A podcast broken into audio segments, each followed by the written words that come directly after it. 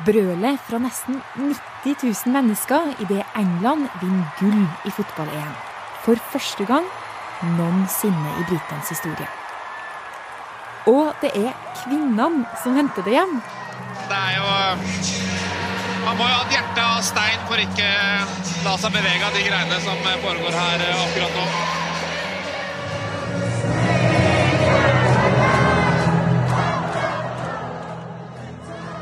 På banen dansa de britiske spillerne med tårer i øynene. Og til allsang fra en fullsatt Wembley stadion.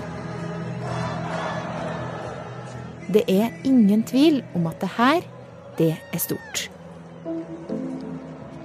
For det er faktisk bare 50 år siden kvinnefotball var forbudt i Storbritannia og flere andre europeiske land. Og når de endelig fikk spill, så ble fotballen sett ned på, latterliggjort og stempla som dritkjedelig. Hva er det som har endra seg? I dag er det onsdag 3. august. Jeg er Marit Eriksdatter Gjelland, og du hører på Forklart. Endelig tilbake etter en liten sommerferie. Nicolas Berg, du er sportsjournalist, og så var du jo faktisk i England for å følge fotball-EM for kvinner nå i sommer. Altså, hvordan var det å oppleve alt det her? Det føles egentlig som noe helt nytt, og som på en måte at det er et momentum gjennom den turneringen her som har aldri vært sett før. Hvordan da? Det var jo 90 000 på finalen, 70 000-80 000 på åpningskampen. Det er jo egentlig noe man ikke har sett før, en, en turnering i kvinnefotball med så mye interesse. Og stemninga, da? Det føles som en helt annen stemning enn en herrelandskamp. Det er flere barn, et yngre publikum, et mer kvinnelig publikum. Utenfor arenaen så er det på en måte bare god stemning. Det er ikke noe, måte noe truende eller noe hooligans som er på de kampene her. Det føles på en måte som starten på noe helt nytt. da. Ta Maren Mjelde, f.eks. Hun er jo kaptein på landslaget, og hun er jo en av de som har vært med på reisen helt fra 2009-EM, hennes første EM, hvor det var i Finland med noen få tusen på tribunen. Ja, det var lite, men det var jo mer enn hva jeg hadde i min hverdag, så samtidig var jo det stort sånn sett. Til fullsatte tribuner på eh, verdensberømte stadioner i England. Så det har skjedd enorme ting på bare noen få år. Og hvis man går mindre enn 50 år tilbake, så var jo ikke fotball engang anerkjent for kvinner som sport i Norge. Og i andre europeiske land, som England og Spania, var det jo også forbudt på et tidspunkt. Men utover 70-tallet så blir det likevel OK for kvinner å spille fotball igjen. Og det gjør de også. Men det tar ganske mange år før kvinnene får spille i det offisielle VM-et og EM-et. Vi snakker faktisk i 1991. Og hvordan er det da for kvinnefotballen på denne tida, Nicolas? Ja, da, det, da har man jo EM og VM, så akkurat som man har på herresiden. Men det er på en måte ikke det samme, fordi spillerne er ikke profesjonelle. De må være lærer eller sykepleiere f.eks. ved siden av, eller advokat. Og det gjør jo at nivået blir veldig mye lavere, og det gjør at færre ser på. Og de store klubbene i verden etter årtusenskiftet er lag som Fortuna Gjøring og Umeå og en FC Frankfurt. Det er eh, merkevarer som den vanlige mann i gata ikke vet hva er. Så egentlig bare helt sånn ukjente klubber, da? Ikke sånn Liverpool eller Manchester United? Nei. Men det skal snart endre seg. For i Frankrike er det en litt rynkete, gråhåra mann som ser store muligheter der andre himler med øynene.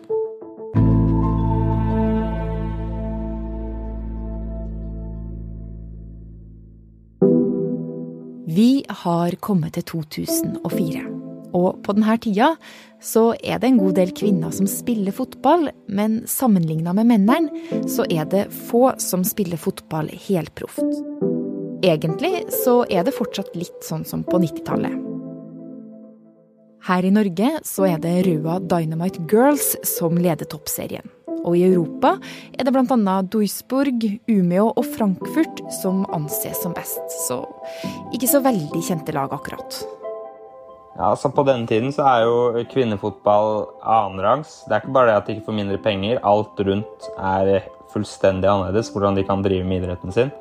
Men det er likevel i ferd med å endre seg. For i Frankrike så finnes det en mann som ser ganske annerledes på det. Og det er denne rynkete, gråhåra mannen, Jean-Michel Aulas, som er president i den franske toppklubben for menn, Lyon. Og han gjør noe ingen andre i hans posisjon har gjort før. Og I 2004 så bestemmer han seg for å satse på kvinnefotball. Så de kjøper opp et kvinnelag eh, og satser masse penger eh, på det prosjektet. Han er opptatt av at kvinnene, som nå er en del av Lyon, skal ha samme infrastruktur og rammer rundt trening osv. som herrespillerne i klubben. Og det ses på kanskje som normalt i dag, men det er banebrytende da på denne tiden. Og Aulas han forteller en historie av at han er i garderoben på en Champions League-finale. Eh, hvor det er en veldig regntung aften, da, og så ser han spillerne vrenge opp draktene sine, for draktene er så våte og de skal ut i andre omgang. Og da blir han helt sjokkert, fordi på herrelaget så hadde jo spillerne bare fått nye drakter i pausen.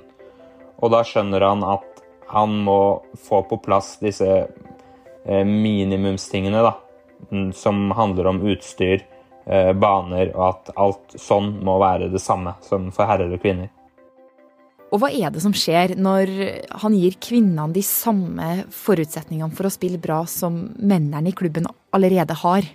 Lyon blir jo det dominerende laget i Europa. Eh, I dag har de vunnet Champions League åtte ganger.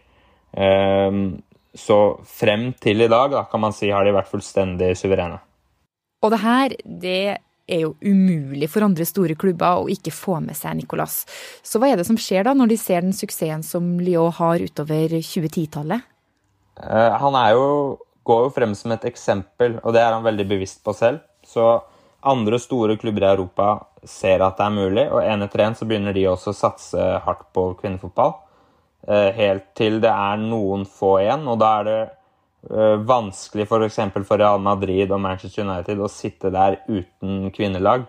Både for omdømmet og at de faller veldig etter. De må komme på banen. Og etter hvert så er det egentlig alle de store klubbene i Europa som har et kvinnelag sånn som det er i dag.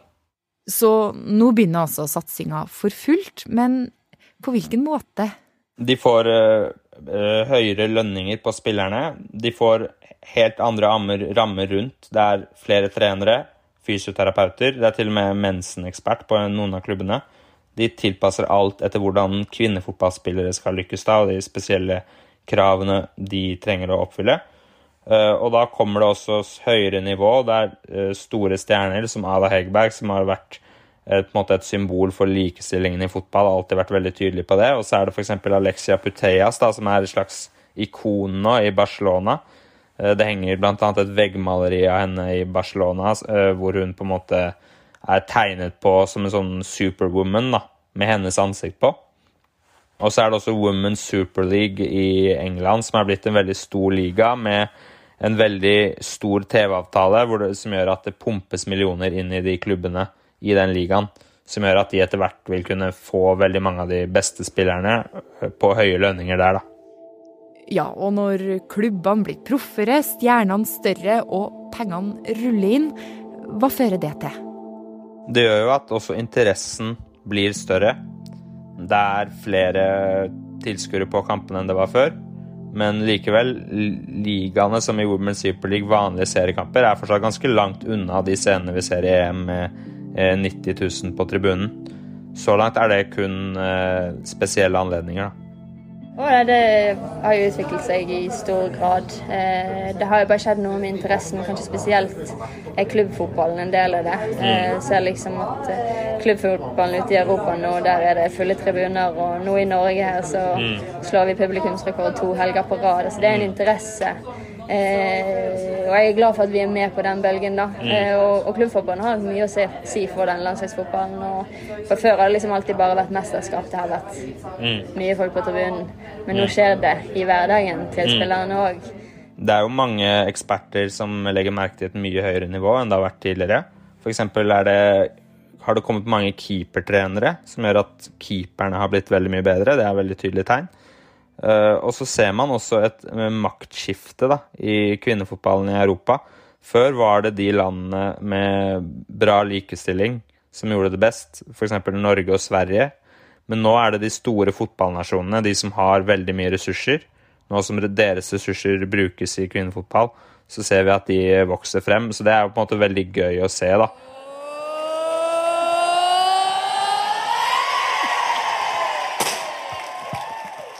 Og da de britiske EM-mesterne kom hjem igjen denne uka, så var det til et folkehav på flere tusen fans. De sto og veiva med det britiske hvite, røde og blå flagget og var i lykkerus over seieren. It's going to boost it so much. So whether it's just like playing for your school team or joining a proper academy, it's going to make so many more girls join in this, growing the women's game so much. They were incredible, incredible, and they just played with. I'm going to get emotional now. Such heart. It was absolutely amazing. I'm so proud of them. So, so proud of them. Så nå er det vel egentlig ingen tvil om at folk er på en aldri så liten hai etter det her EM-et, Nicolas. Men når de her kvinnelige fotballspillerne nå kommer tilbake igjen til sine land og klubber etter EM, så er det vel fortsatt en del ting som gjenstår. Det er fortsatt ekstrem forskjell på penger involvert i lønninger og overgangssummer. F.eks. 2,5 millioner kroner ca. er jo den største overgangssummen i kvinnefotball brukt på Pernille Harder, dansken. På herrefotball kan man jo nesten si det samme i milliarder. Og så kan f.eks. Kylian Mbappé, en av verdens beste spillere på herresiden, tjene like mye på to-tre dager som Ada Hegberg gjør eh, på et år.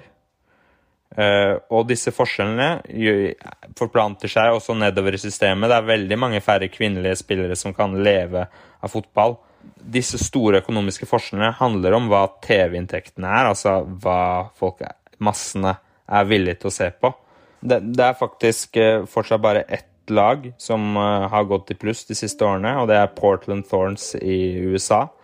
Så selv de store europeiske klubbene går fortsatt ikke i pluss på sin kvinnefotballsatsing, og det gjør, jo at utviklingen går saktere. Det er kanskje litt mindre fristende å investere.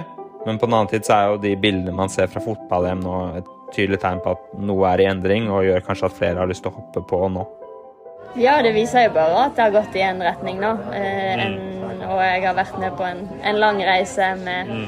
eh, ja, å gå fra å ha lite folk på tribunen til nå mm. eh, utsolgte kamper og fullt trykk på, på tribunen og en enda større interesse mm. eh, rundt, eh, rundt, lagene. Så det, det, er en helt annen en hverdag nå.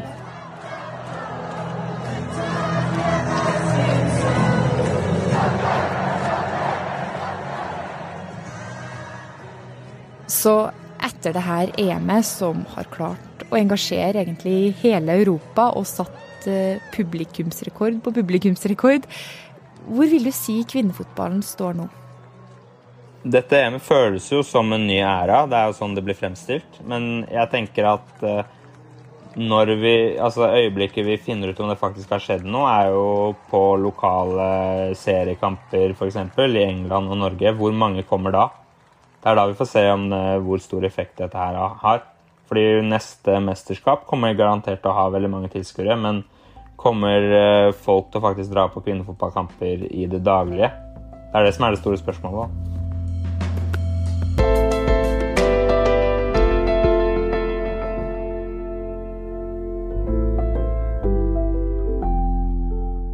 Det er da Nicolas Berg som er mannen som har fulgt med på EM for oss her i Aftenposten.